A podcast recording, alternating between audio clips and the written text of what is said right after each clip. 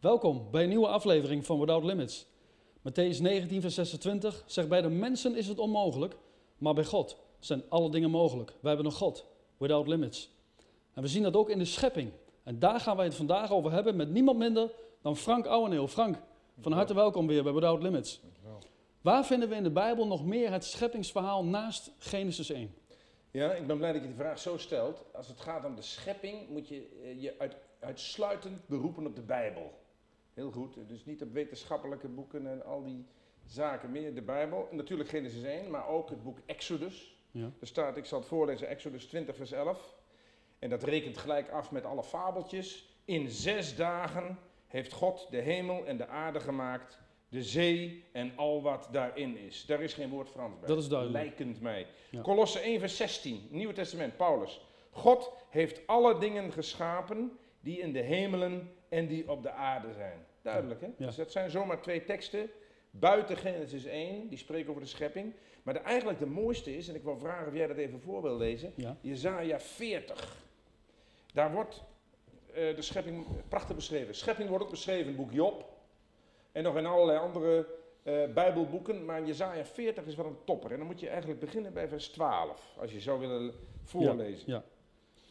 Vers 12 zegt: Wie mat de wateren met zijn holle hand, bepaalde de omvang der hemelen met een span, vatte met een maat het stof der aarde, woog de bergen met een waag en de heuvelen met een weegschaal.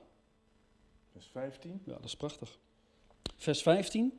15 zegt: Zie, volken zijn geacht als een druppel aan een emmer en als een stofje aan een weegschaal. Zie, eilanden zijn als fijn stof dat uitgestrooid wordt. Vers 18. Vers 18. Met wie dan wilt gij God vergelijken en welke vergelijking op hem toepassen? En tot slot eh, de versen 21 en 25. Ja, daar staat: Weet gij het niet? Hebt gij het niet gehoord? Is het u van de aanvang niet verkondigd? Hebt gij geen begrip van de grondvesten der aarde? En dan als laatste vers 25. En dat zegt: Met wie dan wilt gij mij vergelijken? Dat ik hem zou gelijk zijn, zegt de heilige. Mooi hè? Wat een prachtige tekst. Dus God als schepper van hemel en aarde, eh, die, die, die, die gaat hier als het ware eh, breed uitstaan, hè, vergeef me dat ik het zo zeg, en daagt iedereen uit. Hij zegt eigenlijk, ik heb de hemel en aarde geschapen. Ik ben met niemand te vergelijken, want niemand heeft dat ooit gedaan en niemand zal dat ooit kunnen. Dat is mooi hè? Ja, ja, Met wie dan wilt gij mij vergelijken? ja. Hier stelt God zich voor als de machtige schepper. Nou, en zo zijn er nog wel veel andere Bijbelteksten buiten het scheppingsverhaal uit Genesis 1. En de Bijbel leert dat de Bijbel de waarheid is. Amen. Hè, dit dit eh, maakt gelijk met evolutietheorie met de grond gelijk eigenlijk. Gewoon, je moet gewoon eh, het hele woord evolutie die gebruiken. Dit is het woord van God. En dat woord van God eh, spreekt op verschillende manieren over de schepping van hemel en aarde, mens en dier en plant door God. Amen. Amen. Amen. En, en waarom is het zo belangrijk eh, dat de mens onvoorwaardelijk gelooft dat God zijn schepper is? Ja, dat is, dat is een heel belangrijk punt. Want waarom hebben wij ook dit onderwerp eh, in behandeling genomen? Niet om iets interessants over de schepping te vertellen. Het gaat er bij het geloof in de schepping om, gaat, om, gaat het om de essentie van het evangelie. Waarom? Als ik geloof, God heeft mij geschapen, dan erken ik daarmee gelijk, God staat boven mij. Ik ben schepsel, God is mijn schepper. Ja. Als ik geloof eh, dat God mijn schepper is, erken ik hem als mijn meerdere. Nou, dan moet ik de consequentie trekken. Als God mijn meerdere is, dan moet ik hem gehoorzamen. Zo is dat ook in deze wereld. Dat heeft de mens en ik ook niet gedaan. En zo is de zonde in de wereld gekomen. En, en, en, en zo kwam het oordeel van God. En maar door het kruis van Golgotha is dat probleem opgelost. Maar het hele begrip zonde, oordeel, redding bestaat niet als ik niet geloof dat God boven mij staat. ja, want alles is door geloof. Juist. En ook dit. Juist. En God, eh, als mijn meerdere, eh, aan hem ben ik gehoorzaamheid verschuldigd en elk mens. Vanaf het begin der tijden tot vandaag, tot en met morgen. God staat boven ons. Ja. Wel nu, als ik niet geloof in God als schepper, maar ik denk dat ik van een aap kom, dat is een leuk trucje van de Satan. Want dan heb ik ook lekker met God niks te maken. Ja. Iemand die, die zegt, God heeft mij helemaal niet geschapen. Ik heb met God helemaal niks te maken. Hij staat helemaal niet boven me. En zonde bestaat helemaal niet. Het is de truc van de Satan om mensen niet in de schepping te laten geloven. Want mensen hebben niet graag iemand boven zich.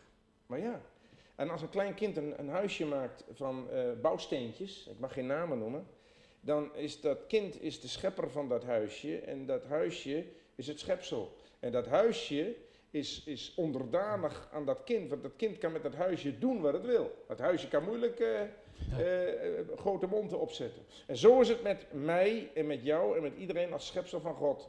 Wij zijn God gehoorzaamheid verschuldigd. Ja. En het hele evangelie is daarop gebaseerd. Mens is God gehoorzaamheid verschuldigd, heeft een mens niet gedaan. Zo is de zonde in de wereld gekomen. Het kruis van Golgotha heeft dat probleem opgelost.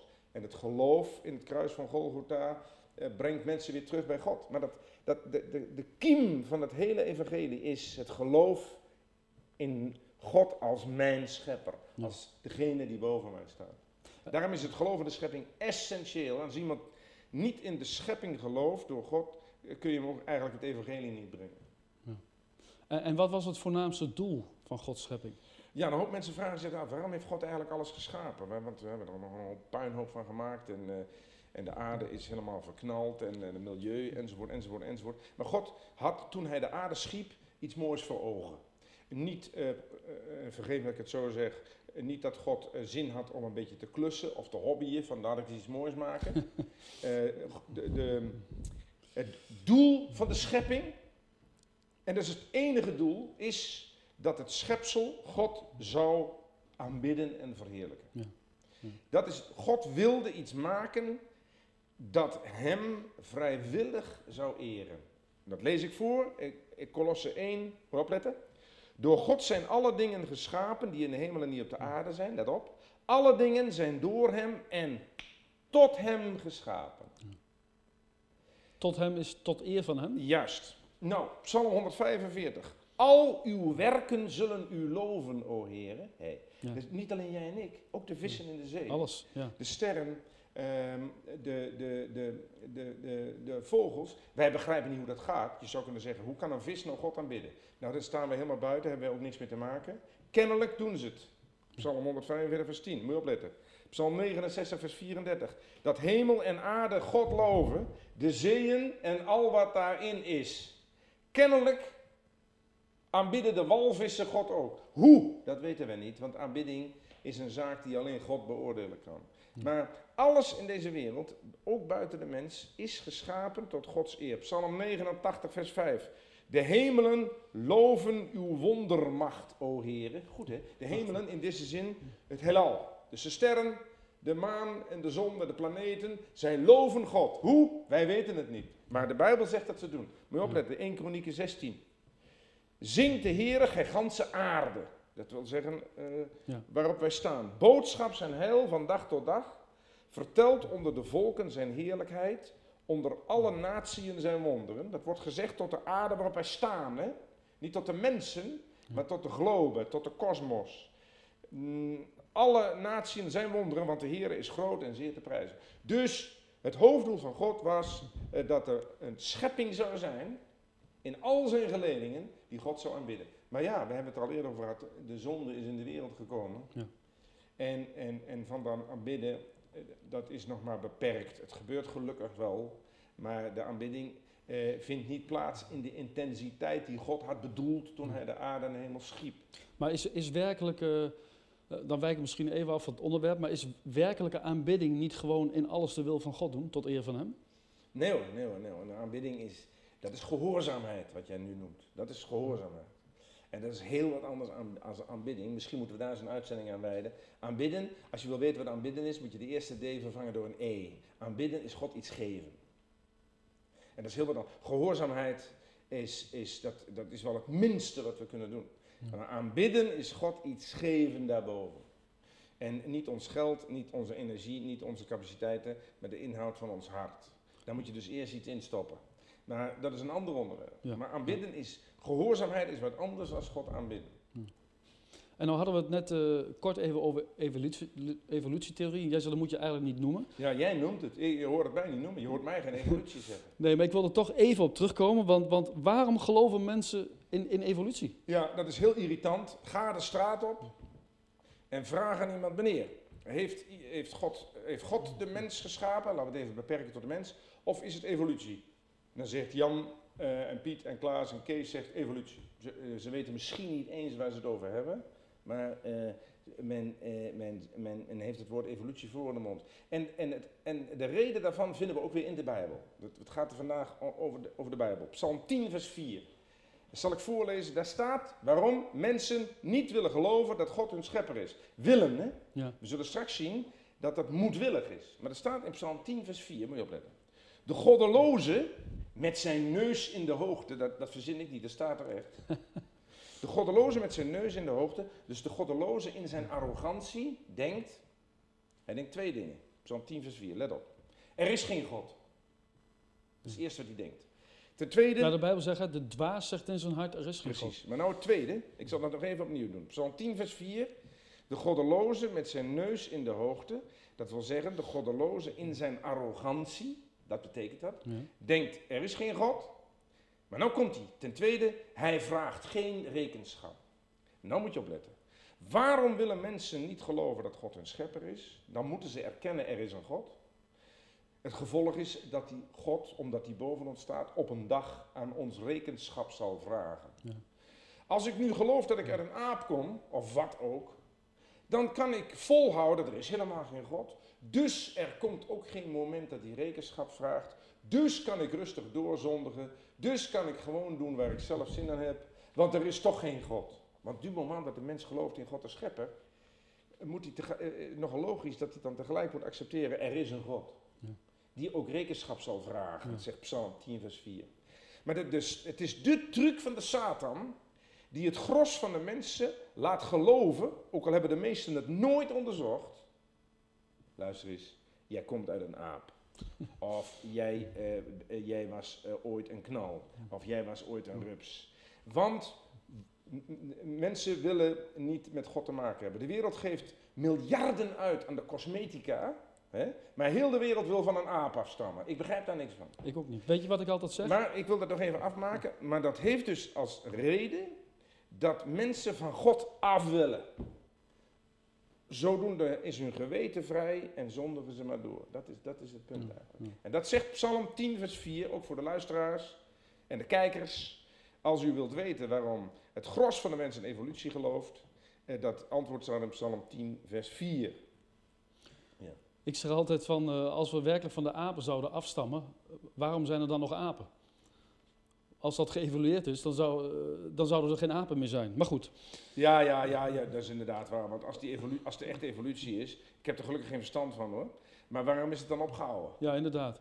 Maar, maar eh, hè, wat moeten we tegen even, even, even Nee, maar ik moet nog even, voordat, we dat, voordat, ik dat, voordat, ik, voordat ik daarop antwoord, wat je tegen die mensen moet zeggen. ja, Maar eerst even nog, ehm, dus de hoofdreden dat mensen eh, niet willen geloven dat God een schepper is, eh, dat is dus dat ze dan kunnen zeggen er is geen God en vraagt geen rekenschap. Maar de Bijbel onderstreept dat. Ik heb het al genoemd, 2 Petrus 3. Moet je opletten. De NBG zegt, willens en wetens is hun dit onbekend, dat door het woord van God de hemelen en de aarde sedert lang waren. Willens en wetens. Hoe weet je die? Het boek, ook een vertaling, zegt: Zij gaan er met opzet aan voorbij dat door het woord van God de hemel en de aarde sedert lang waren. Vind je die top? Het Groot Nieuwsbijbel. Zij gaan bewust voorbij aan het feit dat door het woord van God de hemelen en de aarde sedert lang waren. En de Lutherse vertaling. Moedwillig willen zij niet weten dat door het woord van God de hemel en de aarde sedert lang waren. De Bijbel zegt dus, mensen doen het moedwillig. Ja. Want ze willen met God niks Ja, te ja. maken hebben. ze kiezen daar bewust voor. Ja. En nogmaals, ik, ik draai al een poosje mee en ik heb al heel wat met mensen over evolutie gesproken. Eh, ofschoon ik geen wetenschapper ben, maar gewoon ehm, als mens. En ik, ik, ik heb er misschien van al die honderden één ontmoet die er zich in had verdiept. Die er verstand van had. Die wist waar hij het over had. En die man die er verstand van had, was heel voorzichtig. Hij zegt, Ja, ja, ik heb dat wel bestudeerd, maar ik weet het ook niet. Ik weet het ook niet. Ik, eh, ik, ik, ik, ik, ik, ben ook niet zo'n eh, 100% aanhanger van evolutie. Zie, die mensen die het echt bestudeerd hebben, ze weten het niet meer. Maar nu de vraag, waar ik net niet helemaal uitkwam, maar wat moeten we tegen evolutionisten zeggen? Ja, een evolutionist, bedoel je mee iemand die, ehm, dus, die zegt, eh, ik ben niet door God geschapen, maar dat is allemaal evolutie. Ja, die daarin gelooft. Nou, het is wel noodzakelijk dat je een antwoord hebt. Zeker op, de, op scholen vandaag de dag wordt, eh, ook op christelijke scholen, wordt meer tijd besteed aan evolutie dan aan de schepping. En, en ook in evangeliegesprekken eh, zul je altijd met het onderwerp gecon- geconfronteerd worden. Dus je, je moet wel een antwoord hebben. En, maar ten eerste moet je hebben begrip. Je moet begrip hebben voor het feit dat er mensen zijn die, omdat ze met God niks te maken willen hebben, eh, hun toevlucht maar nemen tot het verhaal van de evolutie. Daar moet je begrip voor hebben. Je Is dat dan gemakzucht? nee, vlucht. Het is gemakzucht. Nou, ook kuddegedrag. Men praat graag de ander na natuurlijk. Men, men, men weet, evolutie, dat is, dat is modern, dat klinkt goed, dat zegt iedereen. Dus ik wil niet achterblijven, ik zeg het ook. Maar sommige mensen hebben gewoon misschien geen zin om erover na te denken. Ook nog. Maar, de- maar er zijn ook mensen die het echt eh, huldigen, dat evolutieprincipe, omdat ze met God echt Ja. niks te maken willen Ja. hebben. Maar je moet vooropstellen, als je met die mensen spreekt, dat ik- dat je- geen wetenschapper bent. Ik neem aan dat jij geen wetenschapper bent, Nee. ofschoon jij heel veel weet. Eh, ben jij geen wetenschapper? Ik zeg het ook, ik ben geen wetenschapper. Dus ik bedoel, ik kan niet op het niveau, op wetenschappelijk niveau eh, daarover praten. Maar dat is misschien wel een voordeel. Want ik praat erover als Ja. christen. Ja, want dit staat jou dan ook niet in de weg. Nee. Eh, maar je moet vooropstellen dat het hele wonder van de schepping is niet te begrijpen. Je kunt het ook niet om uitleggen. Je, je hebt gelezen, of je leest eh, in Jezaja 40, moet opletten. Een eeuwig God is de Heere, schepper van de einden der aarde. Zijn verstand is niet te doorgronden. Ja. Met andere woorden, niemand kan uitleggen hoe God het gedaan Nee, heeft. Het gaat ons verstand te boven. Ja, Einstein heeft ook gezegd, ooit eens gezegd, God, vertel eens alsjeblieft, hoe hebben u het gedaan? Mooi hè? Job 37, God de Almachtige die wij niet begrijpen. Dus ga nou ook niet verhaaltjes verzinnen over de schepping, wij begrijpen het niet. En eh, Hebreeën 11 zegt, we moeten het geloven. Job 11, kunt gij de geheimen gods doorgronden? De Almachtige doorgronden ten einde toe? Zij zijn hoog als de hemel, wat kunt gij doen? Dieper dan het dodenrijk, wat kunt gij weten? Langer dan de aarde is hun maat en breder zijn ze dan de zee. Met andere woorden, je moet vooropstellen in zo'n gesprek met iemand die in evolutie gelooft. Luister eens, Piet of Jan, ik snap het ook niet, hoe God dat gedaan heeft. Er staat in Psalm 33, God sprak en het was er, hij gebood en het stond er. Dat snap ik ook niet, kan ik ook niet uitleggen. Maar als iemand tegen jou zegt, ik geloof in evolutie, moet je altijd zeggen, welke? Welke? Want er zijn zo'n 60.000 theorieën, vergeet dat niet hè. De echt- 60.000? ja, meer, meer nog. Heb ik gehoord hoor, heb ik van gehoord. Ehm, dus er is niet zoiets als de evolutietheorie. Dat is hetzelfde als dat je in een boekhandel binnenkomt en je vraagt, mag ik een boek? En de verkoper zegt, ja wat voor een boek? Doe er niet toe, geef maar een boek. Ja. dus iemand die zegt, ik geloof in de evolutietheorie, zul je altijd moeten vragen welke. En, en, en, en ook de... En dan weten waarschijnlijk de meesten al geen antwoord. Nee, dat is de hangerzaal. Daar moet je natuurlijk niet, daar moet je natuurlijk niet arrogant bij kijken. Maar, maar je moet altijd zeggen, welke theorie geloof je? Want er zijn 60.000 en misschien inmiddels wel meer. Op het moment dat wij hier zitten te praten zijn er misschien wel 20 bijgekomen. Dus iemand moet op zijn minst kunnen zeggen welke theorie hij nu precies gelooft. Want is, het vervelende is dat al die evolutionisten, die, die wetenschappers, spreken elkaar allemaal tegen. Ja. En, en, en, en hoe meer er iemand in gestudeerd heeft, hoe onzekerder die is.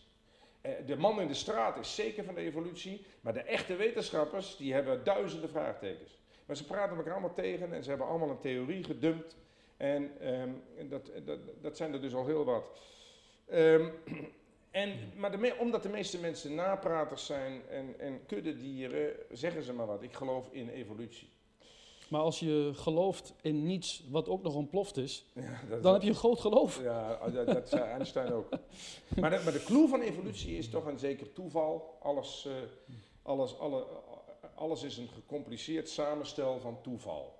Dus als jij eh, een baby in je arm hebt eh, of, of, of, of, of eh, een, pa- een, een pasgeboren kind, dan moet je dus ontzettend veel fantasie hebben om te zeggen, dit is allemaal, al, al deze 200.000 onderdelen zijn door toeval in de loop van een paar miljard jaren, want een evolutionist kijkt niet op een miljardje, bij elkaar gekomen. Of je ziet een vlinder, hè, een mooie vlinder, en die zit zo op je hand. Dan moet je het, en je bekijkt dat eens goed, dan moet je toch wel verschrikkelijk veel fantasie hebben om te zeggen dat is toevallig bij elkaar gekomen. Of je loopt door de keukenhof, je ziet er al die bloemen. Ja. En je, dan moet je toch, en iemand zegt tegen jou, luister, dit is in de loop van de tijd, is allemaal toevallig. En in, met allemaal, eh, dit is allemaal eh, zo geëvolueerd en nou ziet het er zo uit. En dan blijf ik zeggen, als er evolutie is, waarom is het dan gestopt? Ja, ja. Als je een bloem neemt en je knakt hem, dan kun je hem niet meer repareren. Eh, ja, met een plakbandje kun je die bloem een beetje repareren, maar het blijft wat. En als er echt evolutie was, dan zou op een gegeven moment die bloem steeds mooier worden. Bloemen zouden ook niet meer worden, worden, weggegooid. Het zou allemaal steeds prachtiger worden. Eh, waarom is het gestopt? Dat is natuurlijk de hamvraag. Jij hebt het er al eerder over gehad. En, en men gelooft in een Big Bang, hè, wat jij al zei. Hè. Eh, eerst was er niks, zeggen de mensen, en dat is nog ontploft ook. Dan moet je toch Ja. wel veel fantasie hebben. Ik ga het nou niet bagatelliseren, maar ik, ik geef nou in de notendop die verhalen die je hoort. Ja. En, en, en, en die voor waar worden gepresenteerd. Geen wonder, hè, geen wonder, en nou komt de clue, dat er toch wel zijn onder mensen die niet geloven in God, die ook twijfelen. Het is, het is niet zo dat iemand die niet in God gelooft, automatisch in evolutie gelooft. En men, iemand die een beetje denkt, twijfelt ook. Ik weet nog goed dat wij op vakantie waren, mijn vrouw en ik, en we vlogen boven de Grand Canyon. Ik weet niet wie weet wat dat is. Ben ik geweest, ja. Dat is een ravijn van anderhalve, me- anderhalve kilometer diep. ja, En geweldig. die, en, en- ja, ja, en, die, en die gids in die helikopter die zegt, ja mensen, ik geloof niet in God, maar als u naar beneden kijkt, dit, dit, dit, dit kan geen toeval zijn. Hier moet, Hm. hier moet een, een, een hemelse, superieure architect bezig zijn geweest. Ja. Want eh, dit kan geen toeval zijn. En, en toen, toen de helikopter landde, zei ik ook tegen die man, ik zeg, nou ik vind dat heel eerlijk van u. U begint geen flauwe verhalen over eh, zus en zus en zo. Ja. Eh, u bent heel eerlijk. U, u- ik geloof dat het God, God het gemaakt heeft. U laat het in het midden, maar u bent objectief in ieder geval. Ja. Einstein was ook zo. Hè? Einstein, toch niet voor de poes. Einstein. Nee, Einstein, die wist het ook niet. Maar die hield eerder rekening met de schepping door God als met evolutie. Eh, al die toevalligheden, daar moest je niks van hebben. Dat vind ik toch wel interessant. Dat zeg ik altijd tegen die mensen. Ehm, er staat in Jezaja 40, heft uw ogen omhoog en zie, wie heeft dit alles geschapen? God zegt eigenlijk, gebruik nou eens je ogen. Ja. Kijk eens even om je heen. En dat had ik, hè, toen ik bij die Grand Canyon stond. Ja. Ik ben daar een paar jaar geleden geweest. En eh, dan zie je dat en het is onvoorstelbaar wat je ziet. Het is eigenlijk niet te vatten. En het eerste wat je dan denkt is, wat is God groot? Ja. Want dat is zo prachtig. Ja, en die gids in die helikopter, die, die, die eigenlijk eerlijk zei, ik geloof niet in God, maar ik geloof ook niet dat dit toeval is. Hier moet een superbrein aan het werk geweest zijn. En dat dacht Einstein ook. Einstein die, no- die nogal wat zag in de wetenschap. En maar Einstein, eh, eh, die gebruikte gewoon zijn gezond verstand. Er staat in Romeinen 1, hetgeen van God niet gezien kan worden, zijn eeuwige kracht en goddelijkheid, wordt sedert de schepping der wereld met het verstand doorzien. Eigenlijk daagt God de mens uit. Gebruik je ogen, hè, Jezaja 40, en gebruik eens je verstand. En, en, en, en kijk eens om je heen. Hou eens een pasgeboren baby in je arm. En kijk eens in een mooie tuin. Kijk eens naar een vlinder. Kijk eens in een dierentuin. En, en, en, en gebruik nou eens je ogen en je gezond verstand. En dat deed Einstein. Ik heb al eerder gezegd dat Einstein heeft in een lezing voor studenten in Basel omhoog gekeken en, zegt: God, wilt u mij alstublieft eens vertellen hoe u het gedaan hebt? Mooi, dat vind ik mooi. Weet je wat diezelfde Einstein tegen zijn studenten zei in, in Zurich, in een, eh, in een in college? Zei die, hij zei: die, Neem een onbewoond eiland midden in de oceaan. Hij zei: die, en dan moet je dan honderdduizend bouwstenen neerleggen en een beetje hout en dan moet je weggaan. Kom over een x aantal jaren terug. Is er dan van die stenen en dat hout vanzelf een huis tot stand gekomen? Hij zegt, geloven jullie toch zelf niet, hè? Maar een evolutionist gelooft dat. Ja. En wat de tijd neemt en allerlei invloeden, dan komen die stenen bij elkaar en dat hout komt bij elkaar en dat wordt een huis. Ja. En diezelfde Einstein zei tegen die studenten, vanwege het gebrek aan bewijs is voor zowel het scheppingsverhaal als voor de evolutietheorie een groot geloof vereist. Een schepping moet je ook geloven. Kunnen wij ook niet uitleggen. Evolutie is ook niet uit te leggen, moet je geloven. Maar dan zegt hij, moet opletten. Dan zegt hij, het kost mij minder moeite te geloven dat een superbrein aarde, mens en dier heeft voortgebracht, dan te geloven dat alles ontstaan is op basis van een reeks toevalligheden. Die Einstein was eerlijk. Ja, en intelligent. Ja, dus, dus als iemand, het is dus geloof. Het is geloof. Hè. Dat, dat moet je een streep onder zetten. In, in Hebreeën 11 staat, door het geloof Ja, verstaan wij dat de wereld door het woord Gods tot stand is gebracht. Je kunt het niet verklaren. Dat laat ons verstand niet toe, wij geloven het. En als iemand tegen je zegt, heb ik wel eens meegemaakt, ben jij nou zo dom, ouwe Neel, dat je gelooft in de schepping? Dan zeg ik van, nou ja, ik ben niet alleen zo dom. Er zijn eh, in de wetenschap grote namen van mannen die ook in de schepping geloofden. Een geleerde als Faraday, we kennen die van de kooi van Faraday, geloofde onvoorwaardelijk in de schepping door God van hemel en aarde, mens, plant en dier in zes dagen. Eh, Lord Kelvin, die onderzoek deed over extreem lage temperaturen, geloofde ondubbelzinnig in de schepping door God in zes dagen. Louis Pasteur, die wij kennen eh, van pasteurisatie, van bacteriologisch onderzoek, geloofde in de schepping door God eh, in zes dagen, zoals de Bijbel dat beschrijft. Isaac Newton, toch niet de eerste, de beste, geloofde in de schepping in zes dagen, zoals de Bijbel beschreven zijn. En zo kan ik er een heleboel opnoemen. En jij bent ook niet achterlijk. En jij gelooft in de schepping eh, door God, eh, zoals de Bijbel dat beschreef. Zoals de Bijbel dat heeft beschreven. Amen. Dus, dus het, het is helemaal niet ehm, zo dat je dom hoeft te zijn of in de schepping te geloven. Ehm, ik, ik hang me maar op aan wat Einstein zegt. Ik geloof eerder dat een superbrein, en ik denk dat het God is, dat alles gemaakt heeft, Ja. eh, dan dat het toeval is. En laten we God maar prijzen en aanbidden voor zoveel werk. Amen.